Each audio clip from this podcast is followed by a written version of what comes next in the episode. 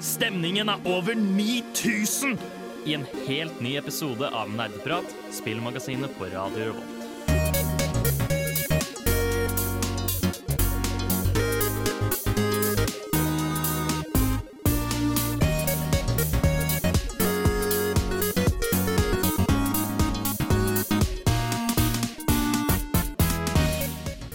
Hallo og hjertelig velkommen tilbake til en ny episode med Nerdeprat. Vi er tilbake i studio en gang til.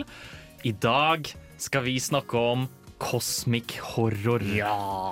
Veldig spennende. Hva er det? Det er en ganske abstrakt, vanskelig sjanger å få til. Vi skal snakke litt om, eh, mer i dybden om hva det er, hva som gjør det så kult, og hvordan man lager bra cosmic horror generelt. Mitt navn er Håkon, jeg er programleder, som vanlig. Med meg i studio så har jeg Tai. Og Bård. og Bård. Vi er eh, klare for å komme i gang. Vi kjører standard nerdepratmodell. Vi skal prate om hva vi har gjort siden sist først. Men før det så skal dere høre Mallgirl med Close My Eyes. Haha, du aktiverte nettopp mitt trap card. Nå er du nødt til å høre på nerdeprat til episoden er ferdig. Nani?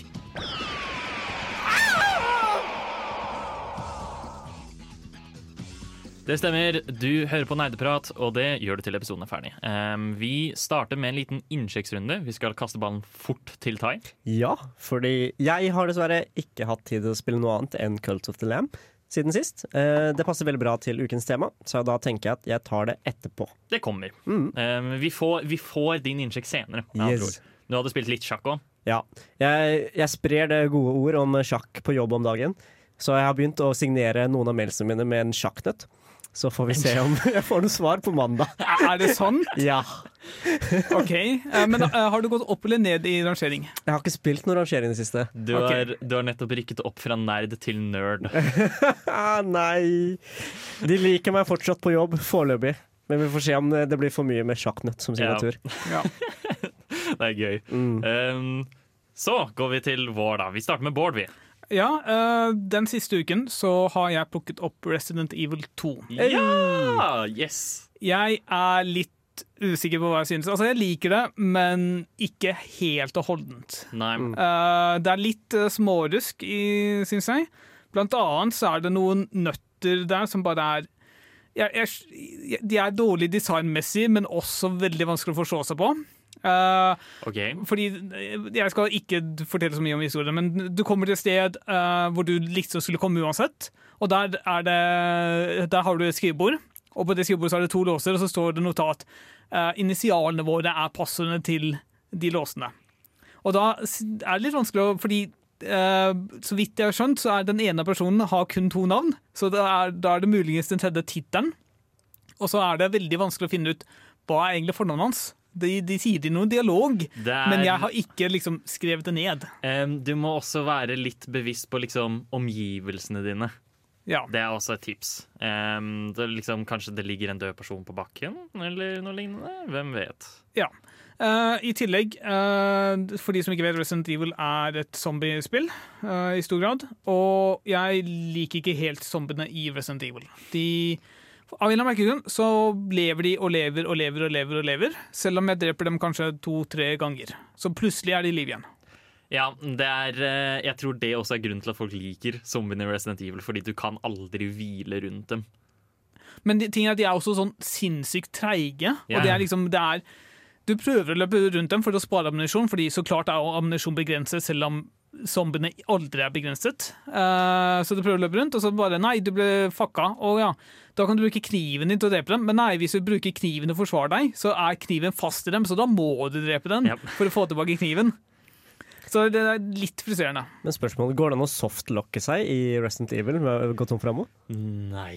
OK, Jeg er ganske sikker på at det ikke er mulig. Ok, så hvis du går tom for ammo, så får du mer ammo? Hvis, hvis du går fullstendig tom for ammo Altså det er jo sånn um, Skrekkspill er jo designet rundt den filosofien at det spillet skal føles vanskelig ut, men i realitet ikke være det. Mm. Um, og der òg er det jo gjerne sånn at hvis du hvis du, å liksom, hvis du begynner å miste masse ammo, så kommer spillet til å gi deg mer ammo. Okay. Eh, Resident Evil 4 har et innebygd vanskelighetsgradssystem hvor den gir deg mer eller mindre belønninger og mer eller f flere eller færre fiender, avhengig av hvor bra du gjør det. Ok. Sånn at der, eh, Kanskje du har gjort det dritbra. Da Da sender spillet deg flere fiender i din retning, sånn at du skal føle at du blir fucked. Ja, ok. Sånn Så, at du mister mer ammo og ja, Ja. Føle føler deg redd igjen. ja, så du skal alltid føle deg shit? Ja. Ja. Og da er det sånn Og da er det jo ikke nødvendigvis fordi spillet faktisk er Mm. vanskelig. Det er bare spillet gir deg illusjon. Ja. Det er kjempesmart. Mm. Mm. Syns jeg, da. Men uh, Men over til det jeg faktisk liker med spillet. Uh, Det at du faktisk utforsker en politistasjon. Det at du plukker opp en gjenstand som du bruker et annet sted, og så går du kanskje tilbake til samme sted fordi nå har du fått den tingen du trenger for å låse opp det. Mm. Fungerer veldig bra. Uh, Det at døra er litt låst, kan være irriterende, men det går greit, fordi du innser bare at OK, jeg må gå rundt. Ja. Det at uh, en nøkkel er merket som brukt når du faktisk er ferdig med bruken, sånn du kan kaste den eller bare legge den fra deg, er også fantastisk. ja, det er fantastisk bra. Så ja, det er veldig mye bra. Jeg bare har ikke helt uh, Jeg har kommet meg til en veldig vanskelig fiende som jeg er litt usikker på hvordan jeg skal drepe, fordi du har egentlig sånn to liv. Du kan bli fucka to ganger, og så Mm. dør du på det tredje. Og du kan gjenoppleve livet, altså få tilbake liv ved hjelp av noen gjenstander, men hvor mye skal jeg bruke for å beseire denne ene fienden, er da spørsmålet. Det er alltid eh, mer enn du tror, Ja. er, er mitt beste svar på det. Fordi det, hvis du bruker opp jævlig mye, så kommer du til å få i hvert fall det, det, Da kommer du til å ha det kjipt en liten stund, og så kommer det til å gå bedre. Det er alltid et lys. Ja, fordi som regel så trenger jeg ikke å bruke det. det er bare, OK, jeg bruker litt ammunisjon, OK, jeg bruker litt uh, slitasje på kniven, og så kommer jeg meg videre, liksom. Ja. Det er, alltid, det er alltid lys i enden av tunnelen. Det er Ja. viktig å huske på. Så det er bra balansert, egentlig. Ja. Jeg vil si det, ja. Mm. Definitivt. Mm.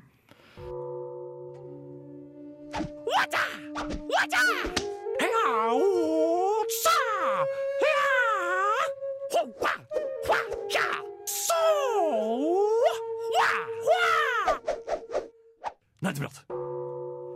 Da var det min tur til innsjekk, og da skal jeg si at denne uken her har ikke jeg spilt så mye. Um, eller, jeg, eller jeg har egentlig spilt uh, noe.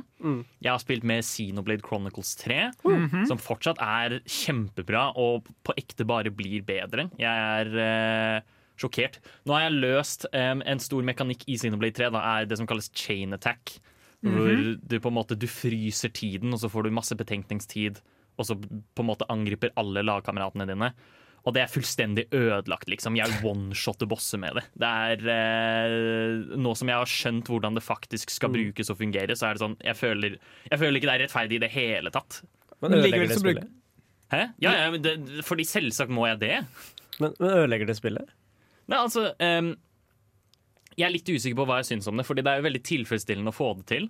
Ehm, men det er også det, det, blir litt for lett av og til. Men det var også sånn, hvis du skulle slått en fiende uten å bruke chain attack, så hadde det på ekte tatt 15 minutter. Okay. Um, I hvert fall for bosser. Mm. Og, og det orker jeg ikke. Og jeg har også prøvd um, å da gå opp til hard mode. Mm. Og det det gjør, er at fiendene gjør selvsagt mer damage, og du gjør mindre. Ehm, Og så har de mer liv, så da, da tar det jo bare lengre tid igjen. Og jeg orker ikke det. Mm. For de av dere som kjenner meg, så vet dere at jeg generelt hater RPG-spill. Jeg er ikke noe glad i det. Jeg syns det er for tregt, og jeg syns det tar for lang tid. Mm. Og da er det ikke på en måte det, det Jeg vil at de spillene skal være engasjerende, på en måte. Mm. Så da syns jeg det er viktig at kampene ikke varer i 15 minutter, Fordi da, da blir jeg lei fort. Selv om du liker det. Selv om jeg liker det. Men er, liksom, er det gøy å sette opp en chain attack, eller er det liksom tedious? Det er det. Det er, eh, det er ganske gøy. Fordi det er bare sånn Du bygger opp et meter, og når du endelig har bygget opp det meteret, så kan du på en måte gå berserk. Mm. Og da kan du gjøre masse og da, vet du hva, Jeg skal ikke forklare det systemet. Det er, uh, det er komplisert samtidig som det er veldig lett. Mm. Uh, det er intuitivt, det er vel egentlig svaret på det. Okay, Ja. Men det er på en måte du det er sånn, Enkelte fiender har jeg gjort opp til liksom en million damage på i en chain attack. Som da uh, one-shotter fienden, og mer. Det okay. gjør mer damage enn one-shot, liksom. Mm. Så det, det er helt ekstremt. Ja. Men det høres ut som det spiller veldig bra på power, som Power Fantasy. da Ja, ja det, det, og det gjør det absolutt. Og det føles liksom Det er da man føler at man på en måte er et lag av seks som koordinerer seg for et angrep, på en måte istedenfor at det bare er seks stykker som slår når, når de har sjansen. Mm. Så, så, så det, føles, det føles bra ut. Litt sånn Nei, du har, du har sikkert ikke spilt Final Fantasy, du. Glem det. Fordi det, i Final Fantasy er det også tre fiender som gjør et sånt superangrep sammen. Jeg har spilt Final Fantasy 7 og Eh, har, det, 6. har det Magus Sisters? Husker ikke. Nei, OK, greit. Det er Glem lenge det. siden jeg spilte. Jeg kan nå snakke om um, Fordi det, det fikk jeg ikke sjanse til å snakke om sist, men jeg har spilt em, et veldig søtt nytt rogelike som er i Early Access, som heter Have a Nice Death. Åh, OK. Em, og det handler om at du spiller døden, Mm. Um, og den forestiller seg helvete og liksom død som et kontorlandskap. Oh. Um, og døden er på en måte var denne svære, mektige figuren, men nå har han blitt denne bitte lille søte figuren i stedet, fordi han har blitt så deprimert etter alt papirarbeidet. Oh. Fordi å, å, å være sjefen av helvete er tydeligvis ekstremt mye papirarbeid. Mm. Og nå har det skjedd et eller annet form for mytteri da, i helvete, hvor liksom det er altfor mange folk som dør. Mm. Papirarbeidet tar aldri slutt. Døden liksom skal gå og på en måte kjefte på sine ansatte for å gjøre noe med det. Mm. Det er eh, utrolig festlig. Ok, Men er det, er det gameplay-loopet? Liksom, at du skal gå og kjefte på dine ansatte som død? Um, ved å kjefte på an altså kjeft, Måten du kjefter på ansatte, er å banke dem opp. Ja, ok. Så klart. så, så da løper du rundt med ljåen din, og da vil jeg si at det på en måte det er nesten en liten Altså det er eh, en slags miks av eh, Hollow Night-gameplay og Ok. Dead Cells, kanskje. Ok, Så det er sidescroller-ish? Ja. Mm. Og så er det ha, altså tilfeldig genererte kart. Ikke veldig Metroidvania-aktig, men uh, ja. Mm. Det, er bare, det, det leverer generelt i en veldig søt pakke. Da. Mm. Ehm, jeg liker det veldig godt, og der er det jo også liksom forskjellige evner du kan få. Du kan på en måte Etter hver boss så går du til pauserommet, og så kan du spise mat for å få Ja. eh, buffs og lignende. Ja. Men er det indie game? Ja, det er et indie-game. Oh. Um, og det er fortsatt ikke ferdig, så det er litt ubalansert til tider. Det er enkelte ting som liksom føles altfor bra, og så kommer du liksom til andre steder hvor det føles ut som at det, det tar altfor lang tid Mm. å komme seg rundt omkring. Ja, skjønner. Um, ja. Men, men, ja, men jeg liker det veldig godt, Mm. og jeg ville anbefalt det hvis det var på salg, og for de som liker Hollow Night spesifikt, fordi det er kjempe det, det er kjempetilfredsstillende combat. Nerdenytt.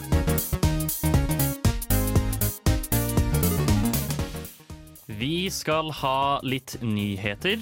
Vi, det har vel skjedd et par ting siden sist, ikke sant, Bård?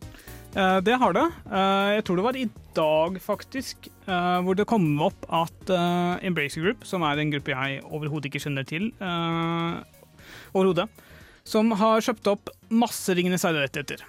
Embracer Group? Ja, jeg aner ikke, men dere har kanskje hørt om Tripwire Studios, eller Tripwire Ja. Interactive. Mm. Jeg tror Embracer har kjøpt opp Tripwire, og med det har masse, liksom, egentlig alle rettigheter til Ringenes herre-universet. OK, så er det der eh, Shadow of Mordor og sånt Er det Tripwire, kanskje? Det kan nok godt mulig hende. Mm. Så, uh, men det vil jo tyde på at det er Altså, akkurat nå så har det ikke så mye med å si, fordi Shadow of Mordor er liksom det siste Ja. uh, Ringenes herre-spillet som egentlig har kommet ut. Men det har virker at det er potensial for mye mer da, som Mm. kommer. Tripwire er eh, blant de som har publisert f.eks. Killing Floor Ja, og. Chivalry. Ah, OK. OK. Så det er egentlig ganske Det er to ganske store titler de har fått seg. Mm. Uten, uten tvil. Det, det her blir jo trolig veldig spennende. Ja, Men eh, helt ærlig, jeg tror egentlig ikke det kommer til å påvirke oss i noen grad. Jeg ser ikke hvordan det her liksom Det, det her handelen, eller det kjøpet her kommer til å påvirke oss. Nei, men det, altså Ringenes herre har jo vært en ganske død ting veldig lenge. Altså, ja, I spillsjangeren, i hvert fall. Ja. Uh, Shadow of War tror jeg var det nyeste som kom Mm. ut for eh, noen år siden. eh, ganske mange år siden. Det, er liksom, det har vært dødt, og nå det at folk, ting blir kjøpt opp, tyder Mm. på at de vil gjøre noe med det. Hvis ikke hadde de ikke Mm. kjøpt opp. Sant, sant, sant. Det er et godt poeng. det, det er sånn Folk blindt elsker jo Ringenes herre. Det er, det på, det er på samme måte som at folk blindt elsker Star Wars. Mm. Ja. Så det er jo utrolig merkelig at de på en måte ikke gjør noe mer med det Mm. når man har muligheten. Så det godt inch. Spesielt når du ser på at Hogwarts Legacy, som skal komme ut nå til Ja, våren, sant. det er jo også en veldig stort spill i Harry Potter-universet. Så det Mm. at de nå kanskje har lyst til å se at OK, man har store spill som kommer innenfor Harry Potter-universet, kanskje vi kan gjøre det samme med Ingen. Fordi jeg tror Shadow of War aldri gjorde det veldig sånn stort. Nei, det ble jo anerkjent for at det hadde veldig innovativt system, med Nemesis-systemet. Nemesis-systemet var veldig Men det var kult. liksom det, var det Mm. eneste. Men Men det, var, det, ja. men det var vel Shadow of Mordor så, altså, som strengt tatt gjorde det først. Mm. Jeg, jeg husket at jeg ante Jeg visste ikke at Shadow of War hadde kommet ut engang. Det kom ut. Jeg spilte gjennom Shadow of Mordor, men jeg syns Shadow of War ikke var Det var ikke like bra. Nei. Så det, jeg, jeg er klar for noe ny, nytt Ja, vi får håpe det skjer noe der. Mm. Det er spennende. Har vi noe mer nyheter? Det har vi. Eh, et spill som heter Untamed Isles. Et MMO-RPG som ble eh, lagt ut på Kickstarter og støttet der. eh, har nå eh, kommet ut og sagt at eh, prosjektet er fryst. Nei! Fordi de har mistet alle pengene sine til kryptovaluta. Ja, shit! What? Nei! Dude, herregud. Hvis du i 2022 støtter en MMO på Kickstarter, da har du faen meg ikke lært en dritt. Eh, I tillegg, eh, altså eh, det er nok mest sannsynlig kansellert, men de kan ikke si at det er kansellert, Fordi da må de refundere Ja. eh, ting. Alt mulig sånt. Men eh, ja, ikke støtte med mor, men også Det her har jo Altså Ikke bare har de gjort uh, spillutvikling dårlig, men de har bare kasta bort pengene istedenfor, som er liksom Ja. enda verre. Mm. Så altså, folk, folk ga dem ikke penger for å investere i krypto. Og det var liksom ganske store insentiver for å støtte dem. Jeg tror Mm. det var 3000 dollar på noen av dem. Så hvor mye, hvor mye penger var det de samla inn? Det fikk jeg ikke med meg. Ja. Men fortsatt. Det liksom, de, liksom MMO-kickstarteren pleier å på, samle ganske mye penger. Ja, Og, Men folk liker det fordi det har vært en død, ganske død sjanger veldig lenge. Ja. Eh, Det har vært dominert av liksom halvstore asiatiske spill Mm. siden World of Warcraft omtrent. ja, Og noen vestlige spill som har kommet og gått, sånn som Wildstar var vel der, Warhammer hadde et MMO-RPG. Guild Wars 2. Ja, Guild Wars 2 lever. Guild Lever Wars det? 2 kommer på Steam ganske snart, faktisk. What? Og med, med en prislapp hvor du kan kjøpe liksom alt sammen. Uh, Ja, så det var egentlig det neste jeg skulle spørre om. Det er jo jævlig mange expansions det er ti år med Ja. innhold eller noe sånt. Mm. Men Wars 2 skal være ganske bra og lever i Jeg skal ikke si beste velgående, for jeg vet ikke hvor, Mm. hvor godt det lever, men det er interesse rundt det. Ja, men Det er fint å høre. Jeg føler MMO-sjangeren er litt død for tida. Ja, det, definitivt. Det er, Mm. liksom, det er kun World of Warcraft som gjør det bra stort vestlig, og så er det Mm. noen sånn Du har Destiny, du har Warframe, du har liksom sånne ting som ikke er helt det samme, men likt nok til at det kan telle. Ja. Mm. Går det forresten an å melde seg inn på Eller å registrere seg på Final Fantasy igjen? Det tror jeg. Ja, oi. Eh, ja, jeg, jeg har ikke holdt følge med det, men jeg er ganske sikker på at det er mulig. Ja, ok. Har du ikke spilt Final Fantasy i siste? I- Nei, ikke på flere måneder. Såpass, ja. Kan jeg skyte inn en kjapp nyhet Ja, det før kan du. vi går til låt? Um, utviklerne av Owlboy har annonsert sitt uh, neste spill. Owlman. Um, Owlboy er um, Nei, det er ikke Owlman. Owlboy, for de som ikke vet, er eh, et spill hvor du styrer en uglemann som Mm. bærer folk som skyter ting. Um, Et norskutviklet spill. ja. Um, og de har annonsert sitt neste spill, som heter Vikings on Trampolines. Ah, Og selvfølgelig. det handler bare om Det er både singleplayer-spill med en co- co-op-campaign Mm. og multiplayer versus-modus, um, som går ut på at du spiller en viking som hopper på trampoliner, og så skal du sprekke eh, ballongfiender. Mm. Jeg syns det høres helt fantastisk ut. Jeg hadde lyst til å nevne det her. Ja. Mm. Å, helvete! Jeg må forte meg! Det er en ny episode av Nerdeprat. Det kan jeg ikke gå glipp av.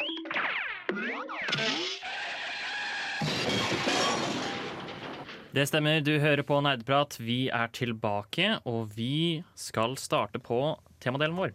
Kosmisk horror. Eller kosmisk skrekk. Kosmisk skrekk, om man kan Mm. kalle det det. Hva er det for noe? Ah, det er den Det er den derre Det er den tomme Det er den tomme, skumle følelsen av hvor ubetydelig du er, ville jeg ha sagt. Er mm. kosmisk Horror.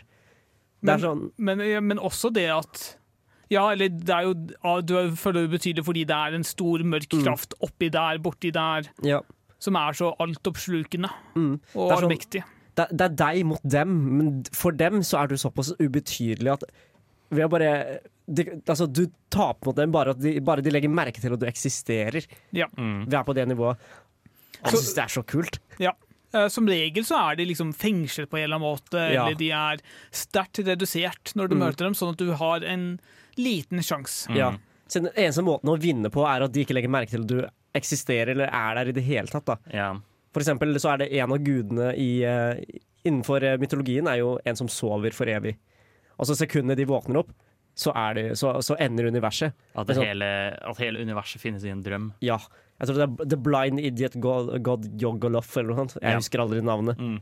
Fordi om, om man eh, skal på en måte gå til liksom røttene, da, så kan man jo på en måte spore Eller i hvert fall den største, Mm. åpenbart, er jo da gode gamle HP Lovecraft. Yes, vår, ikke- vår resident rasist. Ja, Vi skal ikke si så mye om forfatteren som person, men vi kan jo snakke litt om verken han har skrevet. Fordi Mm. Ja. han har jo det, det- skapninger og vesen som liksom Kutulu og alt dette her er på en måte De har blitt veldig store. Mm. Og en ting jeg syns, da, eh, og, jeg på en måte virkelig Hvis man skal framheve hva kosmisk horror handler om, Mm. så er det når du ser liksom diverse medier og slikt som på en måte inkluderer Kutulu, og så skal de prøve å gi han en form. Så er det sånn, Formen hans har ikke noe å si. Mm. Ja. Fordi bare av å se på han, så blir du gal av at denne tingen kan eksistere. Mm, Det, det ødelegger sinnet ditt. Mm. Og det er på en måte veldig mye av det det går i Ja. når det gjelder kosmisk horror. Det handler om at vi er ja, maktesløse. Og sjangeren bygger veldig mye på konsepter og sånn fremmedfrykt, da, så du vet liksom aldri Det er alltid mystisk hva målet eller hva formålet til kultistene til, som prøver å gjenopplive dem, er. da.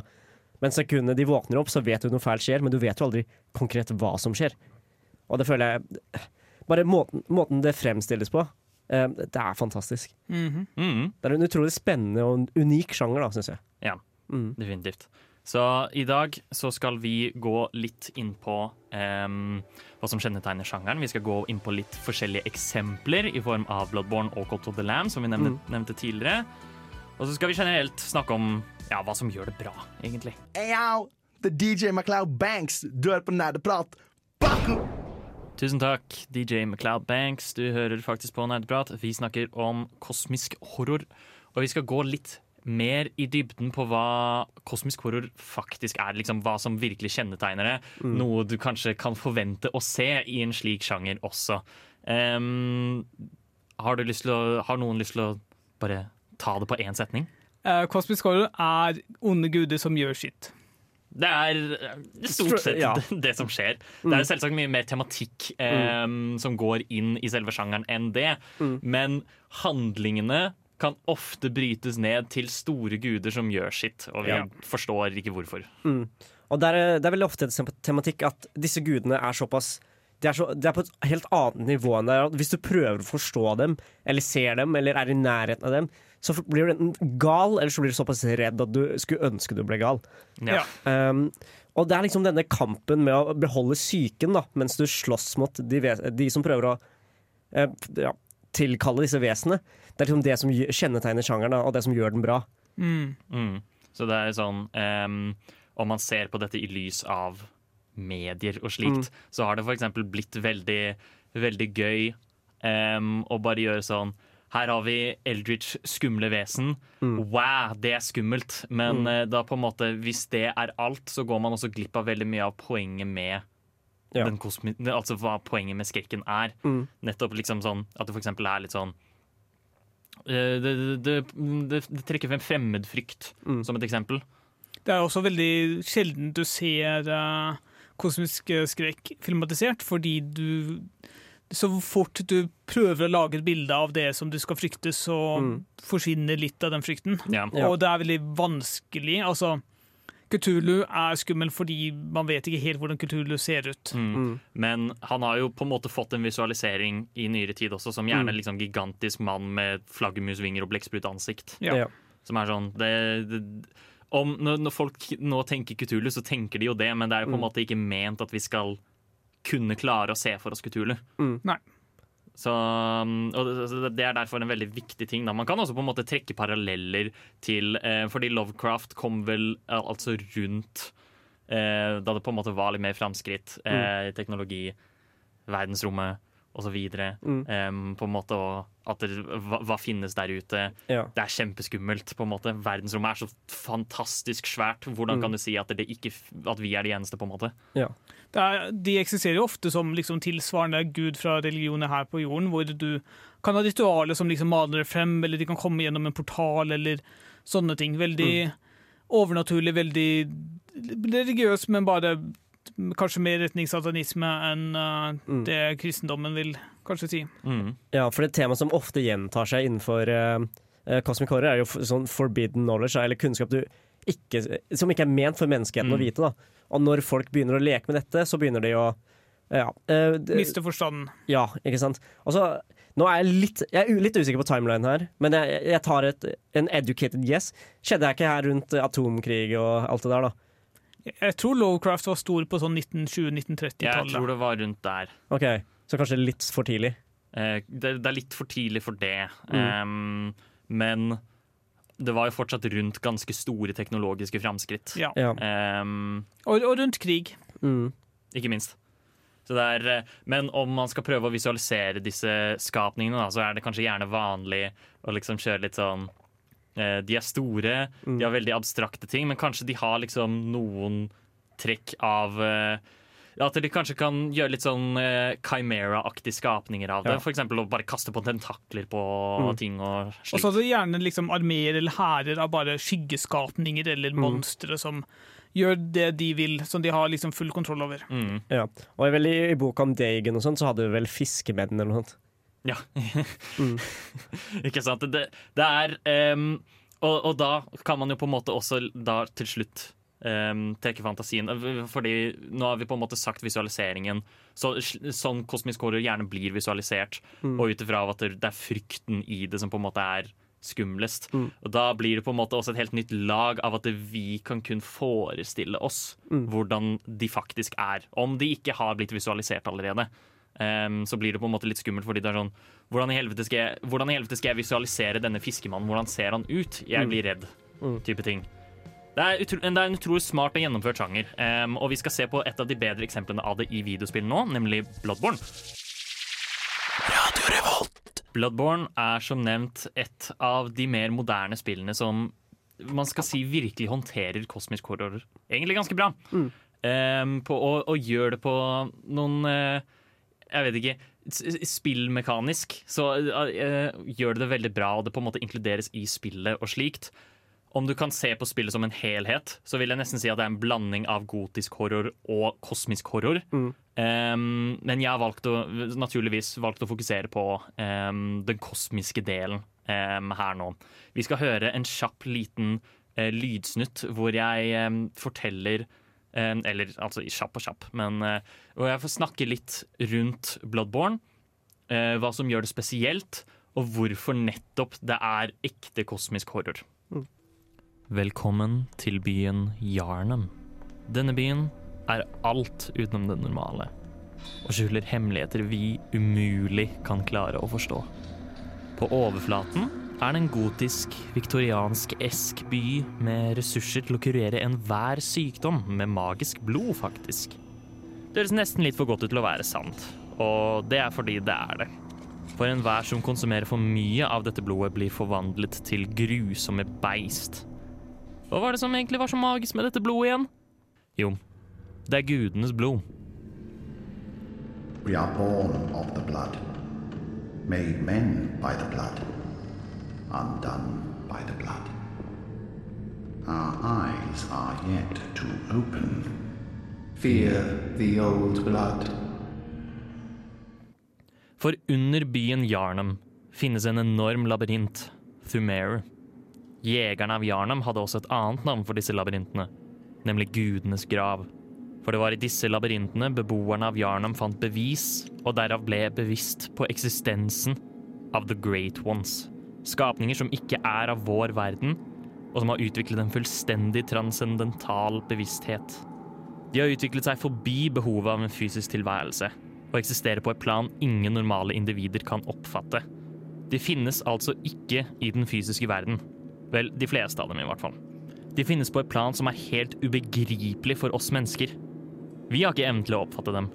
For hvordan kan noe eksistere utenom den fysiske verden? Det er alt vi vet, og alt vi føler, og alt vi kan se. Det er vanskelig å oppfatte dem som noe annet enn guddommelig, da. Likevel er nettopp dette en stor del av Bloodborne. Nemlig menneskets ønske om å transcendere til et øverplan og kunne klare å oppfatte verden slik den virkelig er. I den form kan spilleren få insight hver gang han oppdager noe som virkelig bryter med vår oppfatning av verdenen.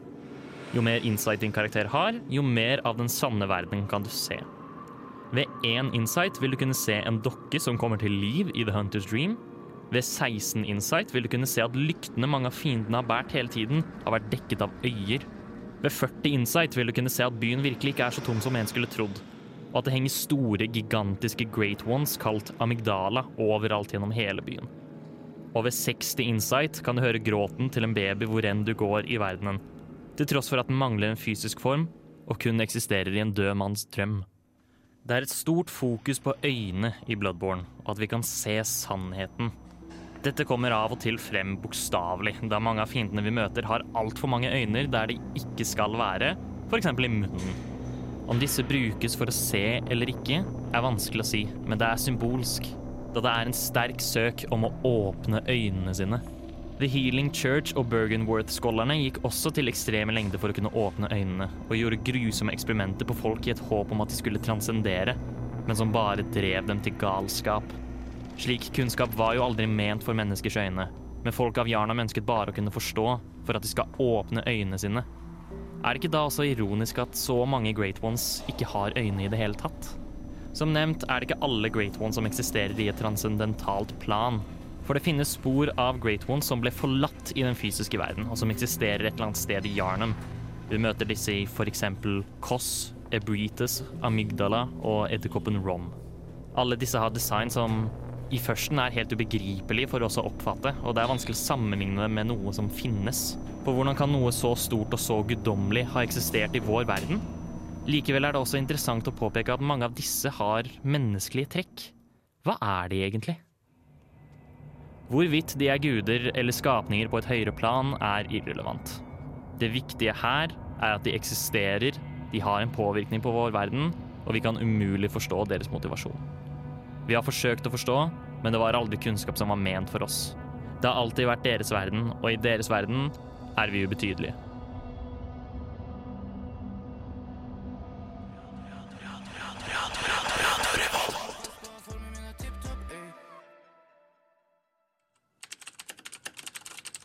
Martin, gutten min, du må komme deg middag! Å, mamma! Jeg kan ikke sette på pause nå! Jeg er midt i en heftig episode av Nerdeprat! Der fikk dere Kristoffer Nord Unstad med Bandgrinder og Undergrunn med Tipp Topp. Før disse låtene så hørte vi også eh, min lille sak, min fortelling, eller hva man skal si, av eh, Bloodborne sin tematikk og generelle kosmiske skrekk. da. Ja. Em, hva Har dere noen umiddelbare tanker? Jeg har én, fordi Ja. jeg har spilt gjennom spillet for noen år, en del år siden. Det kom Mhm. ut i sånn 2014, tror jeg. Og jeg la ikke like Altså, estetisk så er den veldig uh, kosmisk uh, skrekk, uten tvil, men også veldig mye gotisk. Og i og med at veldig mye var liksom på land, og jeg la ikke like godt merke til de amygdalene, i hvert fall første gang jeg spilte gjennom dem, så tenkte jeg ikke på på det liksom umiddelbart som at liksom plottet er kosmisk nødvendigvis. Selv om åpenbart alle fiendene tar veldig mye uh, altså tar veldig mye etter det, den sjangeren. Mm. Det er jo um, nå, Det her er på en måte en, litt, altså en ganske stor spoiler, da, men det var jo på en måte litt der allerede. Um, det, byg, det bygger jo seg opp av at de fant disse gamle gudene, eller altså The Great Ones, mm. i uh, labyrinten. Og så brukte de blodet deres eh, til å kurere, men bruker du for mye av det, så blir det til beist. Og derav ble det Beast Scourge eh, utover eh, Yarnum. Så det er på en måte en stor del av den første halvdelen til spillet, og så bygger det seg oppover mot kosmisk horror når du skal Um, når det plutselig blir en babyjakt, og du skal drepe disse utenomjordiske babyene fordi du leser litt sånn notater rundt omkring som sier at der, oh, the great, det eneste Great Ones ønsker, er å unnfange en baby. I tillegg så Alt dette her foregår jo i sånn type middelaldersk eh, setting. Veldig gotisk, veldig sånn Så det gir jo mening at det er en veldig, det er en veldig god sjangerblanding, fordi du har disse kosmiske elementene i en verden som er veldig gotisk i liksom struktur og design og alt mulig sånt. Mm. Men det er eh, også dette med spesifikt med amygdala, som du sier. Eh, det er en interessant ting med det, og det er at der, eh, spillet er jo designet litt sånn at du ikke skal på en måte legge merke til det, at du ikke skal komme til 40 insight før du kommer til et visst punkt i spillet hvor amygdala blir synlig uavhengig av hvor eh, mye insight du har eller ikke, fordi da vises da skjer det noe med månen som gjør at den viser verdens sanne natur. Um, og så blir det på en måte veldig mye sånn at der, eh, du traverserer eh, fra den fysiske verden til drømmeverdenen, og så på en måte møter du skapninger i drømmeverdenen, for det er enkelte Great Ones som du møter som kun eksisterer i drømmeverdenen. Så um, ja, det, der òg blir det på en måte veldig wack. Og det er sånn det er, det er utrolig ja, drømmeaktig. Liksom, man, man sliter med å forstå det. Det er vanskelig for oss å oppfatte det. Og så er det jo generelt designmessig eh, mye rundt omkring som på en måte vi, vi klarer ikke å fatte at hvor, Hvorfor har dette beistet her 15 000 øyne i munnen sin? Ja. Eh, Ja. Ja. Jeg synes også at um, det her er en sjanger som passer veldig bra med måten som From Software velger å fortelle, å, å liksom fortelle backstory på. Da. From Software de er noen kryptiske jævler. De, de, de sier aldri plottet sitt rett fram. Du får det i, i biter her og der hvis du leter hardt nok. Og det, det er en fortellerstil som passer utrolig godt med Cosmic Horror. Det funker kjempebra. Ja, for Cosmic Horror baserer seg jo hele greia, hele greia baserer på at det er kunnskap som ikke er lett å forstå. Det er kunnskap som ikke, skal, som ikke er ment til å bli forstått. Men hvis du prøver å, å samle det og bygge det opp, da, så kommer du til å få en helt annen virkelighetsoppfatning. Og her får du faktisk et produkt av det. Da. Du kommer i sånn wack-verden. Ja. Og det, åh, det er så godt gjennomført. Og det er, sånn, det, det er jo veldig sånn kryptiske hvor du nesten må dra liksom, trådene litt selv. Em, du må, vi, vi kan fortsatt, uavhengig av uh, alle notatene du leser, og sånt, så kan vi for fortsatt ikke forstå motivasjonen til The Great Ones. Nær slutten så blir det på en måte en sånn rampage hvor du skal gjennom em, og på en måte beseirer litt forskjellige Great Ones og sånt, fordi em, de står i veien for deg å ende the hunt. Um, og vi, bare, vi klarer ikke å fatte det uavhengig av hvor mye vi graver og slår. Sant? Men det spesifikt gjør så mye mystikk eh, rundt det. Fordi én ting er at man på en måte må man, ja, Det er kryptisk, som du sier. Spillet forteller deg ikke noe rett ut. Du må tolke ganske mye.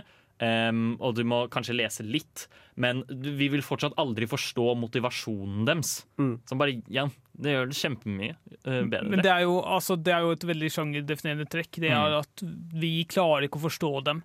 Selv, sikkert selv om de Altså, Hovedsakelig de gidder som regel ikke å fortelle oss det, men selv om de hadde fortalt oss det, så hadde kanskje planen deres vært så langt over vår forståelsesevne til at det, det, det ha- egentlig hadde gitt noe mening. Ja, det hadde ikke gitt noe mening. Um, og så ser vi på en måte flere tilfeller i Bloodborne nå hvor uh, det, er, uh, det, det er søken etter kunnskap, da, søken etter å åpne øynene sine. Og det, det driver folk gale. Liksom, de blir fullstendig gale av det. Um, Og det er på en måte Det er én karakter som på et vis klarer å bli en great one, men eh, denne personen mister også fullstendig vettet sitt. Eh, de, de har ingen tanker, de bare eksisterer. Ja. Em, som vil si at det, det var heller aldri ment for oss. Em, de bare Ja. Men jeg har et spørsmål, fordi underveis i spillet så møter du også veldig mange liksom, udyr. Er de da konvertert gjennom dette blodet, eller er de liksom bare under kontroll av disse store gudene? Nei, det er eh, Altså, blodet er på en måte eh, veldig magisk, men også på en måte det driver fram beistet i deg. Så det er en metaforisk eh, transformasjon samtidig som det er en fysisk transformasjon, fordi du på en måte går, gir inn til bloodlusten din. OK. blodlysten din, sånn, eh, som er et veldig beistlig trekk. em, og sånn, liksom sånn, hvis man ser på f.eks. Dracula, hvor på en måte det er en stor ting at du blir beist når du, bruker, når du tar blodet, og slik vampyrer bare generelt, så er det på en måte, man, man skjønner sammenligning her, da, men her er det spesifikt eh, gudenes blod som driver folk vanvidd og driver folk til å bli beist. Det er, eh, så, så, så selv den gotiske eh, skrekken i spillet er et resultat av de kosmiske vesenene som eksisterer, og som vi ikke forstår greia til. Det var aldri meningen heller at vi skulle få tak i dette blodet, og det er derfor Jarnam går under. Ja. Det, er kjempe, det er kjempekult. Ohayo, minisan, konnichiwa. Du hører på Nerdeprat, nja-nja. På Radio Revolt, SNE. Uvu. Du hører faktisk på Nerdeprat, og vi snakker fortsatt om kosmisk skrekk. Vi skal snakke om litt mer eh, litt andre spill fra denne sjangeren, som også er eh, hva skal man si, ganske kjente eh, pionerer Mm. ofte eh, innenfor denne veldig små sjangeren. Ja. Jeg har lyst til å starte med et spill som ikke egentlig er innenfor sjangeren, men har nok trekk til at det burde nevnes. ja. uh, World of Warcraft er et spill jeg har spilt uh, mye gjennom tidene. Uh, og no, en del av historikken bak World of Warcraft er at de har gamle guder som er onde, som prøver å kontrollere deler av verden. I noen av de første store raidene som kom ut, er eh, Ruins of Anchorai, altså en type en gammel sivilisasjon, gamle ruiner. Og innerst der så har du en gammel gud kalt Kutun som starter kampen med å bare sende en stråle på deg som hvis, du, hvis det håndteres feil, så bare dør alle. Okay. Og det er en veldig morsom ting, en digresjon. Eh, den bossen, da den først ble lansert, så var den faktisk teoretisk umulig å slå. Okay. Før den ble fiksa sånn en måned etterpå. Ah. Fordi de hadde forsøkt så lenge. De, bare, de hadde skalert den for høyt, Mm. så det var umulig å slå. Okay. Så, så fort de skalerte den ned, så begynte de da å betegne den. Ja. Men er den fortsatt veldig vanskelig? Nei, altså, folk har jo posert det for lenge siden. Ja, okay. Men tematikken er der fortsatt. De har Gjennom flere utvidelser så er det, alltid, er det ofte et slags tilbakeblikk til en ny gammel gud som da har enten innflytelse over en person. Uh, I Wrath of the King så var det liksom en forskningssted som de, hvor det var en gammel gud liksom i midten som bare korrupterte alt mulig. Nå i den nest nye så er det også en sånn Så ja, de har mye inspirasjon derfra. I hvert fall deler av plottet. Jeg liker også særlig den urbane legenden. Um, liksom det, Jeg har i hvert fall sett en del videoer om det. da Om at det, hvis du, det er sånn vannsted, eller noe sånt og hvis du går dypt nok, så kan du bare se en gigantisk sånn underhavsskapning eller noe sånt som ser ut som en eldresjaktig gud. Um, Den kjenner ikke jeg til. Em, og da er det på en måte mye sånn der Hvorfor er den her? Hva gjør den? For man kan ikke interagere med den på noe som helst vis. Den bare er der. Ja. Og det, er sånn, um, det, det på en måte skaper et metanivå av eh, kosmisk skrekk. Fordi det er bare sikkert en ting de har bare lagt inn bare for gøy, men så begynner man å lage en historie rundt det og klarer ikke å forstå hvorfor det er er der, hvorfor, ja, hva den holder på med. Ja. Det kan også være sånn easter egg da, i forhold til at uh, er jo sagt til å sove dy dypt i havet. ikke sant? Ja, ja det, det er jo også mulig, faktisk. Men det viser også hvor lett det er å bare bake inn litt gamle guder Ja. som kontrollerer masse ting inn i uh, historien din. Ja, men Gamle guder er som chocolate cookie chips i cookies. ikke sant? Ja. alle liker det. Ja. Et annet spill eh, som absolutt burde nevnes, som sikkert du er uh, veldig med på å ta, er Darkest Dungeon. Ja, herregud! Uh, Darkest Dungeon syns jeg gjør en fantastisk jo- jobb til å bake inn uh, Cosmic Horror som, te som tematikk. da. Hele spillet baserer jeg på at eh, dine forfedre har gjort en stor ja, en stor synd da, med å bruke disse gamle, ukjente, sterke maktene for å bli rik. da. Og det er nå, og det er nå som verden går under, at du som, som etterkommer må rydde opp etter dem. da. Så klart. Ja, Så du graver i gamle ruiner, og så ja, slåss du liksom skapninger da, som, er blitt, som er et produkt da, av eh, de gamle syndene. Og det er, liksom, det er liksom en tematikk som går om og om igjen. da, Synder som enten du eller noen andre har gjort da, for å, for å til, fremkalle disse skapningene. Mm. Ja. Der også kommer det jo faktisk gjennom mekanikken med dette liksom, galskapmeteret, eller hva man skal si. Hvor Ja. hvis du blir eh, Hvis galskapmeteret fyller seg helt opp, så blir karakteren din gal. Og Despair er det vel det heter. ja, Mm. men det, Det- så det er galskap. det er så å si samme tingen, da. Ja. Em, og det er em, i hvert fall, Jeg følte veldig sånn Det her er sikkert sånn det hadde vært å leve eh, og gå rundt i en Eldridge dungeon. I hvert Mm. fall når jeg har spilt Darkest Dungeon, Fordi da har jeg alltid opplevd at jeg har møtt på en skapning, og så har alle fiendene mine klikka samtidig, og så har han Ja. bare dødd. Ja. Ja. sånn der, det, det er bare så mange ganger en tentakel kan ta deg på foten uten at du blir gal. Ja, det Det er nettopp det. Ja. Og så eh, andre spill som også bruker sånn, eh, sånn, sånn liksom psyken din da, som en ressurs, er jo for eksempel eh, åh, Hva heter det brettspillet? Eh, Betrayal. Betrayal. Elders Horror. Ja, det er jo, det er jo ekstremt relevant her. Ja. Eh, jeg syns de også gjør en veldig god jobb med å vise at det er liksom ikke hvis, de, hvis du kommer til et punkt hvor fienden din greier Eller hvor den som bedrar deg, da, greier å fremkalle det vesenet, du har tapt. Det er ikke noe vits å prøve å slåss med det. ja, litt uenig der. Jeg- Så å si tapt, da. Ja. Ja. Som du, regel så taper jeg, da. Men du har jo Elder Shore, som jeg vil si er en litt mer interessant eh, spill, hvor du liksom skal forsvare verden din, jordkloden, liksom, mot Mm. Ja, eh, in. Mm. invasjon av en, da, en stor, gammel gud og det, dens undersåtter. Ja.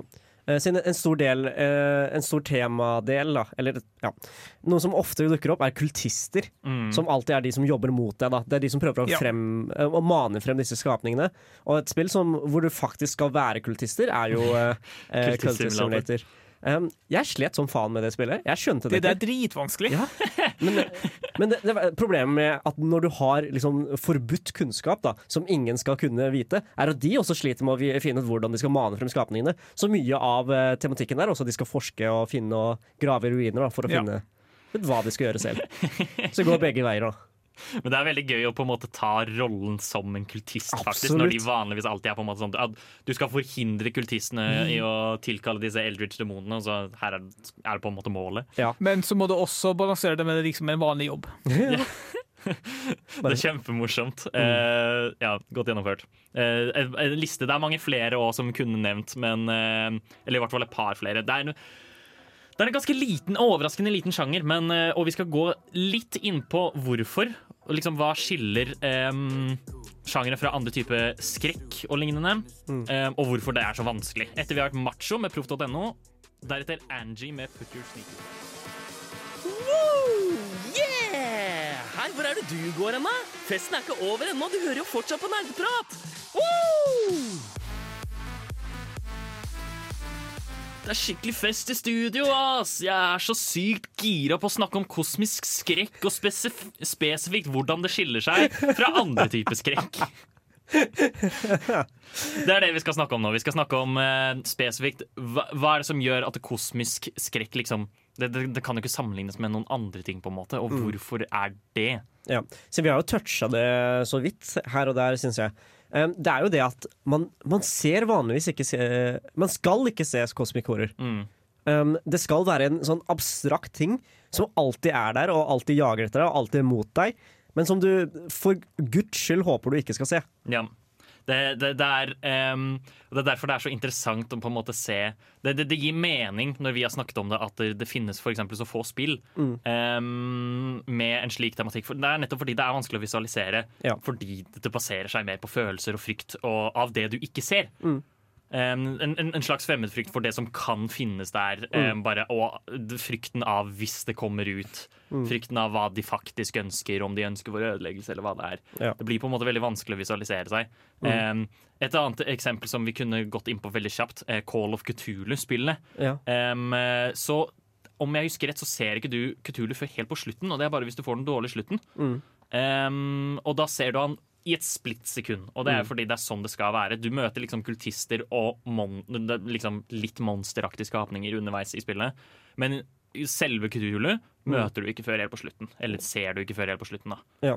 Men sånn sett så syns jeg også at um, det er lettere å lage spill om Cosmic Horror enn å lage film uh, om Cosmic Horror. Det kan stemme. Ja, I spillene så kan du aktivt gjøre det.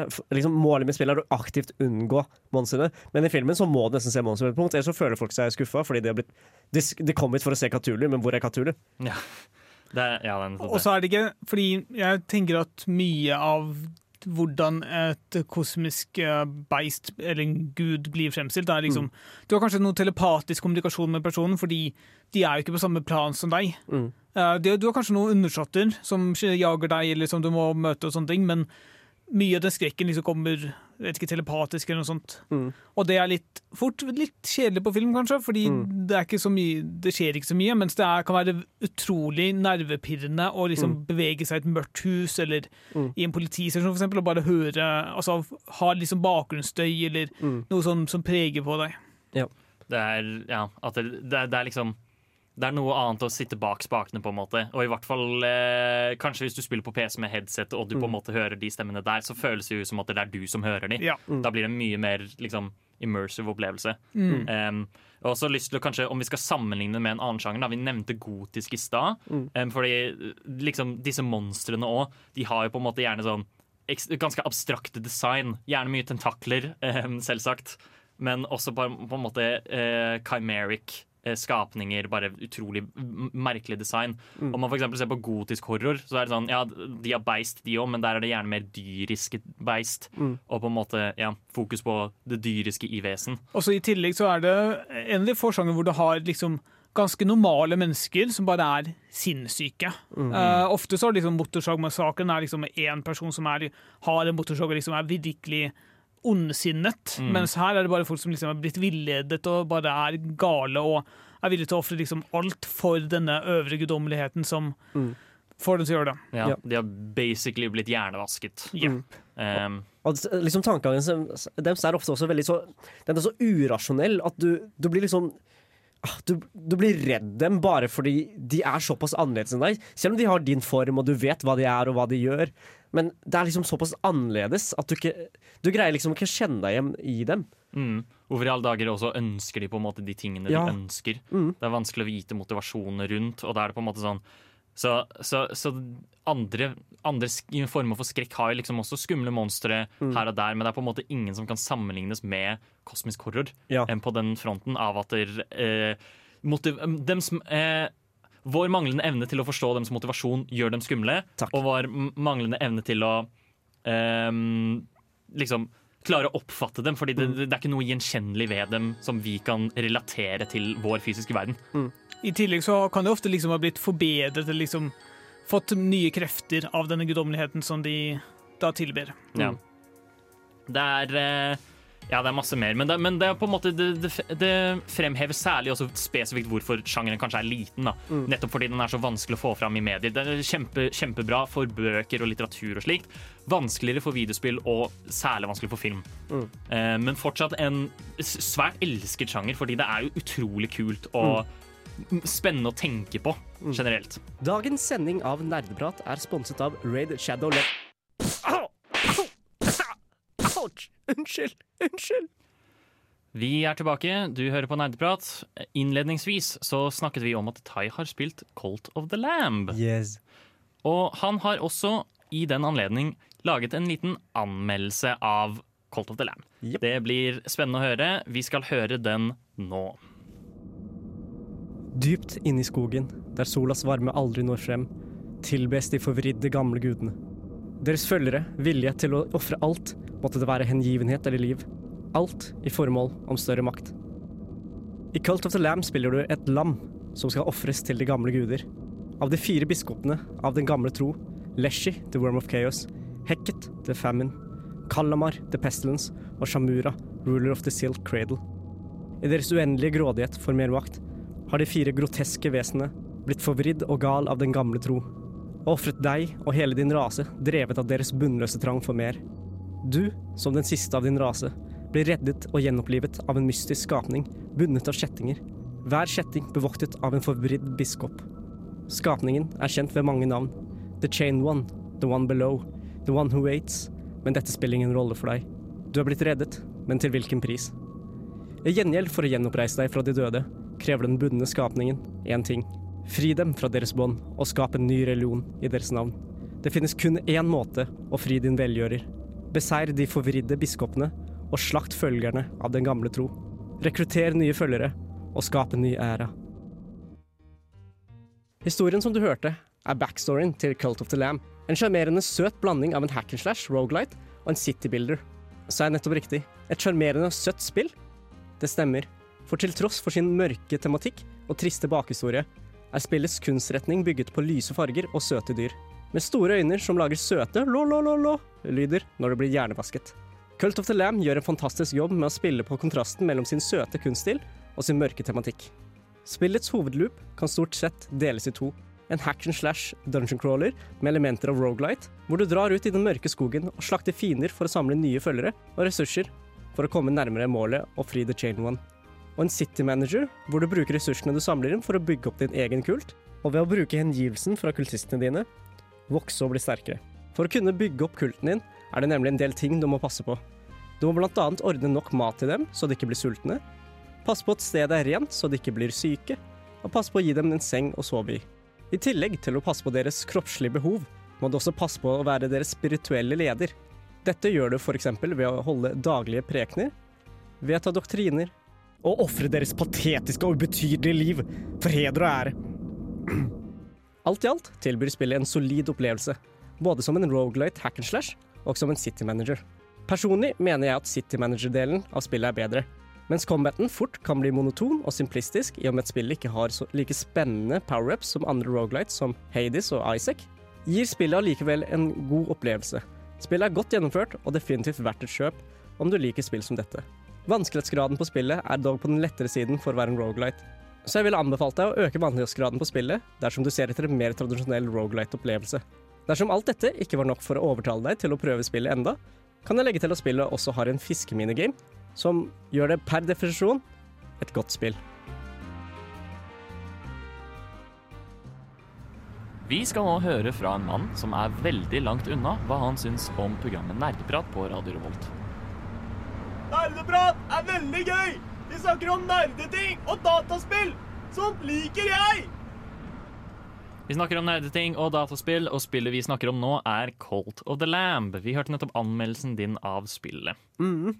Um, det er et fantastisk søtt spill, overraskende nok. Ikke, ikke, ikke et ord jeg ville forvente jeg skulle bruke for å beskrive en, et cosmic horror-spill, men her er vi. Uh, I Cult of Lamb spiller du en liten søt sau som ofres og gjenopplives, og så begynner du å starte en egen kult da, for å ja, uh, tilbe den som reddet deg. da. Men ser du den som eh, Altså den gu- guden du tilber? Ja, du ser den, men du skjønner ikke hva den er, eller hvorfor den er låst opp. Okay. Jeg vet i hvert fall ikke enda, men eh, den ser scary ut. Og jeg vet at jeg gjør noe dumt med å hjelpe den, men jeg har ikke noe andre valg. Det er ikke sikkert du gjør noe dumt. Det kan jo hende at eh, den personen vil prøve å frigjøre hele verden fra Brø, den kaller meg Vessel. Jeg har ikke et navn fordi den kaller meg Vessel. OK. Ja, jeg er veldig sikker på den tar over kroppen min, men ja, hei. Kan vi, kan, vi, kan vi bare aller først, før vi går inn på spillet, snakke om det faktum at det er et utrolig bra spill bare av det faktum at det har en fiskeminigame? Ja, da har du fiskeminigame. Um, du får det ganske tidlig, og det var ekstremt uforventa at det bare slengte en fiskestang i trynet mitt. Men da tenkte jeg med en gang på deg, Håkon. Det, altså, jeg er solgt allerede. Jeg har lyst på dette spillet nå. Ja. Men um, for å ta det til Colt of the Lamb, faktisk. Mm. um, det, er på en måte, det gjør jo en utrolig smart blanding Mm. av hva skal man si, følelser. da. Mm. Ved at den på en måte inkluderer den eldritch eh, kosmiske skrekken av Mm. eh, vesener vi umulig kan forstå. Med at du er eh, et søtt lam som eh, styrer en by med andre søte dyr. Ja. Det det, det, er, det, er en føl det er en clash av tematikk og vibber der, Mm. som, som skaper noe nytt og morsomt. Ja, siden det er jo kjempesøtt. Siden når du vedtar sånne ja, eh, sånn, ah, hva skal jeg kalle det, doktriner, da. Re regler? Re ja, regler. Um, så jeg valgte jo å vedta en, en ting som heter ascension. da Så jeg kan sende mine dyr opp til himmelen når de enten er i veien, f.eks. med at de ikke tror på guden min og prøver å konvertere andre, eller når de begynner å bli såpass gode uh, worshippers da, at jeg får en ekstra bonus med å ofre dem, så ofrer jeg dem. Um, og det som skjer da, er at dere står inn i ring, hopper rundt den kjempesøtt og synger og er kjempeglad. Så, så, kommer det sånn stort, hvitt lys under den og tar den med opp til himmelen. Og når den kommer opp til himmelen, så bare hører du sånn Aah! Så faller den av masse kjøttbiter og bein. Du vet jo hva som må skje med den, men dine kultister er så blitt såpass hjernevaska at de blir glad. Ja. De, de, de, de, de, klarer, de klarer ikke å forstå den grusomheten denne, dette, dette dyret har nettopp gått gjennom. Ja, Men kanskje for dem så er det en belønning, ikke sant? fordi det er, de har blitt så gale. Ja. Det, det, det, er helt fortapt. Ja. Typ. Men det er, det er kjempesjarmerende. Spillet er så fantastisk. Um, jeg syns dessverre at um, hack and slash-delen, altså rogelight-delen, hvor du må ut og kjempe og sånn, foreløpig så er den litt for kjedelig. OK. Um, bossene er simple, og fiendene er også veldig, veldig lette. Har du prøvd å øke vanskelighetsgraden selv, Tai, ved å eksempel spille med Mm. bind for øynene? Oi, hva mener du? Jeg skulle Hva? Eller spille med kontrollen opp ned. Um, det har jeg ikke Eller prøvd. bruke en uh, Dance Dance Revolution-matte i stedet. Yeah. Altså, Tai, det er helt elementære måter å øke vanskelighetsgraden på, og så har du ikke prøvd det engang? Nei. eh, jeg spiller på hard. Det finnes impossible, som jeg vurderer å prøve. Ja, Eh, du spiller på hard og spiller fortsatt for lett. ja. Ikke Um, sant? Så recommended var liksom hakket under. Det var sånn der normal og sånt. Og jeg kan ikke se for meg at det er At det er en opplevelse man har lyst til å ha da, når det er en Rogalite-spill du er ute etter. Siden jeg greide første boss i løpet av min første session. Men nå må du huske at spillet kanskje appellerer veldig til barn, i og med at det er kultreferanser og død og sånt, så det må jo ha en passende vanskelighetsgrad for det. Du, Jeg håper det er ingen barn som spiller det her. Altså. Spillet er veldig veldig mørkt. Det bare skjuler det ekstremt godt. Ok. Det, har bare, ja, det, er, det er mørkt, men Mm. med en sånn halvveis søt, overfladisk innpakning. Ja, men det er sånn derre åh, ehm, Hvis har lyst på en venn på dine adventures ute i skogen, da, så kan du ofre en av kultistene dine, gjøre dem til en demon, og så ta dem med på eventyr. Woo! Ja. Det er liksom sånne ting. Og man er- skjønner liksom ikke hvor mørkt det er, egentlig er. Jeg har veldig viktig spørsmål, Tai. Hvor Mm. mange bæsj har du plukket opp? Å, altfor mange. Eh, jeg tror jeg er på sånn 60 bæsj nå. Men eh, jeg, jeg, man må tech-tree til et toalett. Det, det har jeg glemt å nevne. Det er et tech-tree, og det er sånn eh, Toalettet er på sånn level 3. Du, det er ganske høyt oppe, altså. Det, så jeg må Ja. Du må, du må jobbe for et toalett. Eller å få en vaktmester. Ja. Det er også level 3, da, så da tok jeg toalettet først. OK. Mm. Det, um, ja. Vaktmesteren gjør vel andre ting også. Ja, heldigvis. Men jeg var så lei av å samle bæsj. Jeg var så genuint så lei. Det er um, Nei, vet du hva? Jeg, jeg, jeg vet ikke hva mer jeg kan si. Om du ikke Mm. har solgt på dette spillet her etter det du har hørt, så vet ikke jeg. Du kan samle bæsj, du kan fiske, og du kan drepe dine venner for å tilkalle demoner. Hva, hva er prislappen, Tai? Eh, 200 kroner tror jeg det kosta Ja. på Steam. Ikke så ille, Mm. egentlig. Det er ganske bra. Når innså du at du var en gamer? Dersom du kunne spilt kun et spill i et år Hva er det eldste spillet i backloggen din? Hva har du lært fra spill som du har fått nyte av i Er det et spill som har hjulpet deg gjennom en tung periode av ditt liv? Hva er ukas spørsmål? Ukas spørsmål er hvordan hadde du startet en kult uten at noen legger merke til det? Og da skal jeg bare kjapt skyte ut at jeg har jo alle idioter, det heter nerdeprat. Ja, ja, Håkon. Hei, Bård! Du, sa, du Ja. sa du hadde et forslag. Ja, eh, åpenbart. Eh, du starter litt smått. Okay. Du bygger et hus. Okay. Kanskje det er rundt og rødt. Du samler masse folk. Du tilbyr medlemskap, som de kan så klart betale for, for å gi deg litt eh, penger på, i kassa. Ja. Du starter å få folk til å jobbe frivillig, Mm. så de kan hjelpe til å promotere denne kulten din. Kanskje okay. de får et uh, fint lite kort som kan markere at de har gjort sitt. Ja. Som bare skiller deg fra de andre. Ja. Og så vokser man, og så vokser man, og så til slutt så blir jo, er det ikke plass til alle folkene på huset lenger, så da Ja. må du jo bygge ut. Og så til slutt så har du kanskje tatt over en hel by. Ja, ja. Så istedenfor uh, liksom det runde røde, så kan du bare kalle det tempelet, liksom. Ja. Ja. Altså, Eller det nei, behold det runde røde. Det er jo fint sånn Det er koselig navn som uh, ingen aner det, Altså, ingen aner hva som ligger bak. er, ja. Men du, hvis, hvis dere ser Altså, for jeg, jeg vil bare skyte ut at det, eh, det det er en veldig god plan, og jeg tror du kommer til å ta over hele samfunnet med en slik, Ja. uh, slik slagplan. Nettopp. Men jeg tenker sånn der, hvis dere skulle, hva, hva slags gud tror dere samfunnet prøver å mane fram? Alkoholguden? Leversviktguden? Ja, kanskje eh, Er det ikke en gud for studenter og lærdom og sånne ting? Nei. OK, så ikke noe Eldritch-gud? Eldritch-gud, altså. Okay. Eh, guden for lærdom. Ja. Guden for kunnskap. Ja. Jeg har også en, et forslag da, på, en, eh, på en god slagplan. da. Okay. Jeg hadde starta en TikTok-bruker. Og så hadde jeg begynt å liksom bare smått uh, gjøre ting som er litt fremmed, da, litt nytt. Sånn spennende, da, som ting som tiltrekker seg um, ungdommer og hjernedøde folk. da. Liksom samme, samme liksom, Mhm. målgruppe. da. Og så hadde jeg begynt å eh, produsere dette eh, liksom eh, rosa slimet, da. Og så begynte jeg å kalle det pink sauce. Og så begynte å selge det i flasker. da Og jo mer pink sauce folk spiser, jo mer hjernevaska blir de. Kanskje pinksåsen er en kilde fra Ja, ja. altså, uh, Det, er- det er ektoplasm, mann. ja. Det, det, det, er, det er hjernevaskingsmiddel. Og så må du inkludere små liksom, bilder, disse, disse TikTok-videoene av din Mm. gud, og, Ja, eller av deg. Ja. Mm. Ja, så, så jeg, jeg hadde egentlig Jeg hadde vært pink sauce-tiktokeren, egentlig. Det er, det er en fantastisk god måte å hjernevaske folk på. Jeg husker også å spille satanistiske ting baklengs. Ja, absolutt. Det, det er det man gjør, ikke sant? Mm. Som eh, kultist.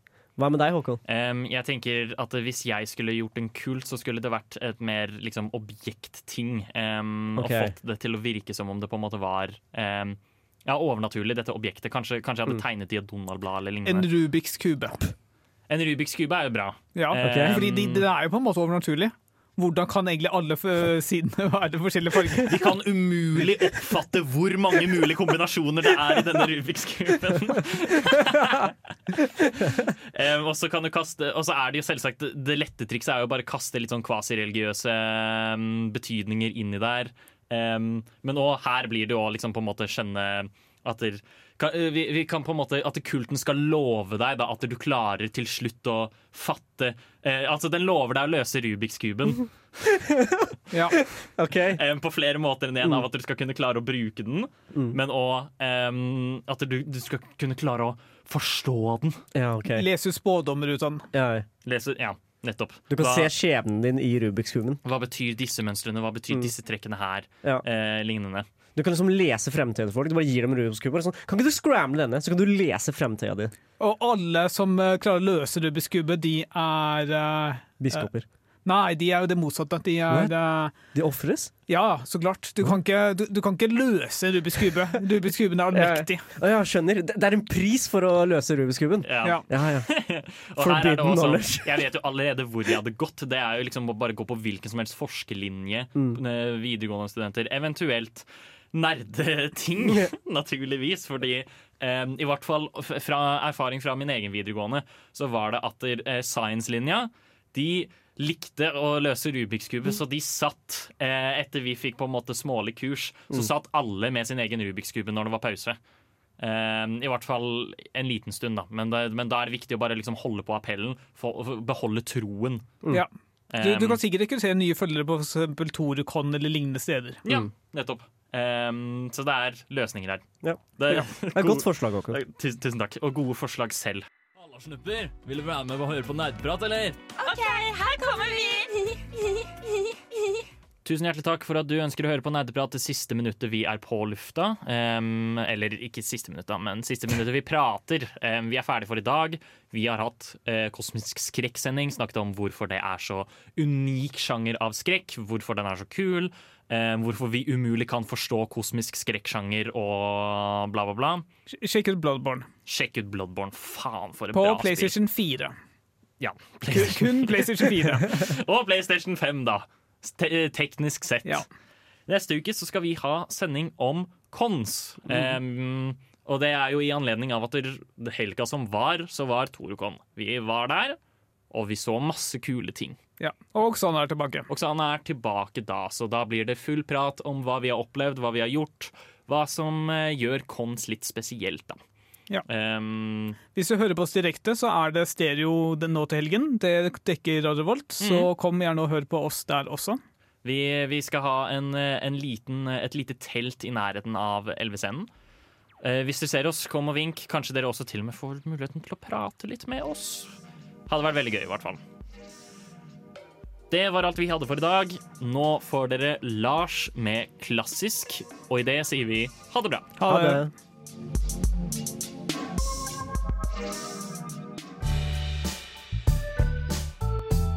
Du har lyttet til en podkast på Radio Revolt, studentradioen i Trondheim.